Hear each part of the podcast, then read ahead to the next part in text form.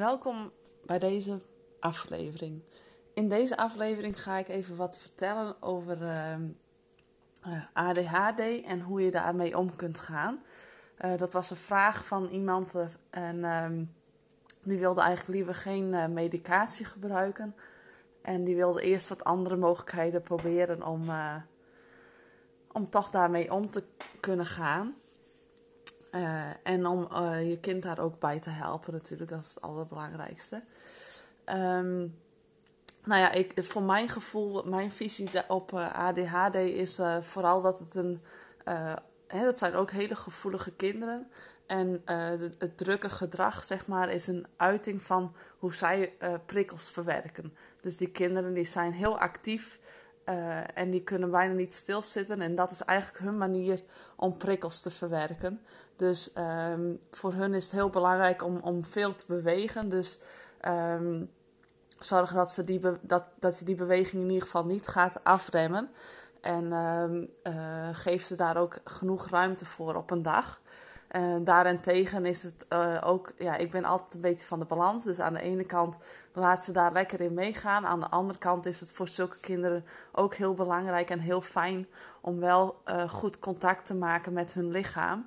Um, en, en, en die ook ja, goed weer te voelen. Dus ook masseren helpt heel goed bij, bij deze kinderen. eventueel kun je daar ook weer wat olie nog bij gebruiken. Dus um, ja, het is heel erg belangrijk dat ze dat ook leren. Dat ze, eh, dat er ook, uh, dat ze een tegenhanger hebben bij dat drukke gedrag. Dat er dus verschillende manieren zijn om die prikkels te verwerken. Uh, ga ook zeker dus dit drukke gedrag niet proberen af te remmen. Want dat is gewoon even een uiting van, van alles wat zij hebben. of wat ze voelen in hun lijf of zo. Of wat er allemaal op hun af is gekomen. Um, al is het natuurlijk soms wel eens eventjes uh, lastig op bepaalde momenten.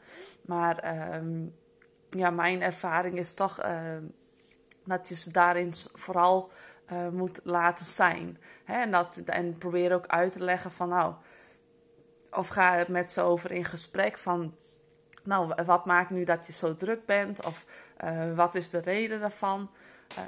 vaak kunnen ze zelf ook heel goed aangeven wel van waarom ze zo uh, druk zijn. Um, en um, ja, het is, ja, voor de rest kan ik ook niet heel veel daarover zeggen. Maar ja, het is, het is uh, wel ja, voor mijn gevoel een manier om, om prikkels te verwerken. En um, als je je daar dus ook bewust van bent, dan kun je daar misschien aan de ene kant eens een keer aan toegeven door ze eventjes lekker te laten rennen of gewoon hè, op die manier uh, ook echt even de energie en de prikkels te kunnen verwerken. En aan de andere kant, op sommige momenten kun je ook eventjes iets aanbieden, een, een rustigere manier om toch die prikkels te verwerken. Dus dat je ze ook die tegenhanger gaat aanbieden en ze dan gaat masseren. Of een creatieve oefening, mocht je kind dat heel erg leuk vinden. Dus um, dat ze ook leren van, nou, je kunt ook op een andere manier dan je drukke gedrag uh, alles verwerken. Dus dat je dat misschien als ouder ook uh, gaat aanbieden. Uh, verder heb ik, ja, ik ben zelf ook vrij druk en enthousiast. Dus dat is ook mijn enige meetlint. Vandaar dat ik ook het heel belangrijk vind dat je ze wel de ruimte geeft in hun, nou ja, uitgesprokenheid. Dat, is, dat was voor mij vroeger als kind ook heel belangrijk. En ook, maar wat mij ook heel erg heeft geholpen, is dat ik heb geleerd dus om even stil te worden. En dat er dus inderdaad ook andere manieren zijn om met alles wat je voelt uh, om te gaan. Uh, en daarbij heb ik ook nog iets uh, gelezen, maar da daar heb ik me nog niet eerlijk gezegd zelf helemaal in verdiept. Maar dat is dan misschien nog een leuke tip om mee te geven. Uh, is dat je ook eens gaat kijken naar uh, voeding en wat, wat dat uh, doet met ADHD. Dus of je daar misschien ook nog wat aanpassingen in kunt doen, wat je kind ook heel erg gaat helpen. Ehm, mij, is ook altijd gezegd dat ja, ja, su suikers op zich, we hebben wel bepaalde suikers nodig, maar dat je dat dan beperkt en dat je een andere vorm van zoetstof gaat gebruiken. Um, nou ja, zulke soort dingetjes um, kun je ook eens even gaan uh, uitzoeken naast de medicatie die je hebt. Dus ja, uh, aan de ene kant uh, accepteer gewoon dat dat dus komt door hè, dat het eigenlijk voor mijn gevoel, hè, dat is echt mijn uh, visie, maar dat het dus ook echt een manier is van, van alles wat ze voelen en ervaren en dat het op die manier tot uiting komt. En dat is gewoon wie ze zijn en dat kan, is natuurlijk ook super mooi, want die kinderen zijn wel heel enthousiast en open en vrolijk en hè, dat, die zijn heel ja, energiek, zeg maar.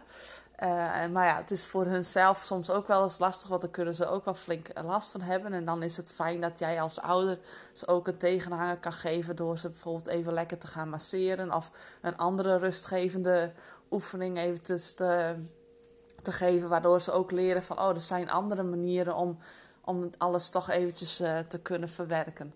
Dus um, nou ja, ik hoop dat ik je zo weer uh, wat fijne tips heb kunnen geven. En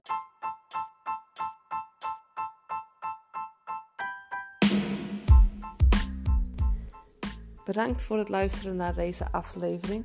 Mocht je het leuk vinden om uh, op de hoogte gehouden te worden van deze podcast, uh, dan zou ik me zeker eventjes uh, abonneren op mijn podcast. Um, dan krijg je namelijk elke keer een melding wanneer er weer een nieuwe beschikbaar is. Ik ga regelmatig nieuwe podcasts opnemen, dus um, ik zou zeggen abonneer je eventjes. Daar zou ik echt heel erg blij mee zijn.